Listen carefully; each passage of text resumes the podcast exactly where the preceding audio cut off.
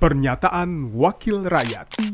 Pernyataan Irma Suryani, anggota Komisi 9 DPR RI, fraksi Partai Nasdem, daerah pemilihan Sumatera Selatan II, saat rapat kerja Komisi 9 DPR RI dengan Menkes, membahas penyusunan peraturan pelaksanaan Undang-Undang Kesehatan, strategi penanganan polusi udara, rencana kerjasama bidang kesehatan, penyusunan anggaran kesehatan melalui rencana induk berbasis kesehatan, Rabu 30 Agustus 2023. Saya tadi sepakat dengan apa yang disampaikan Bang Pak Darul Sika terkait dengan apa tadi permintaan klarifikasi. Hanya saja saya menyarankan eh, mungkin lebih bagus kalau Kementerian Kesehatan memiliki public relation untuk menjelaskan ya, memberikan informasi ke publik terkait uh, beberapa program yang memang sedang kita uh, kedepankan seperti kemarin soal genomik dan lain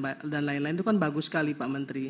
Kemudian soal mandatory spending juga harus dijelaskan ke publik. Tapi bentuknya jangan klarifikasi. Kalau klarifikasi nanti digoreng-goreng. Jadi bentuknya informasi ke publik, penjelasan ke publik terkait apa sih sebenarnya kenapa kok mandatory spending itu harus uh, harus tidak dipatok misalnya seperti itu.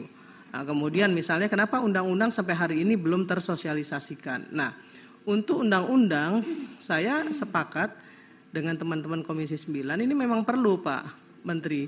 Kita harus segera memberikan sosialisasi ke masyarakat terutama di dapil-dapil ya.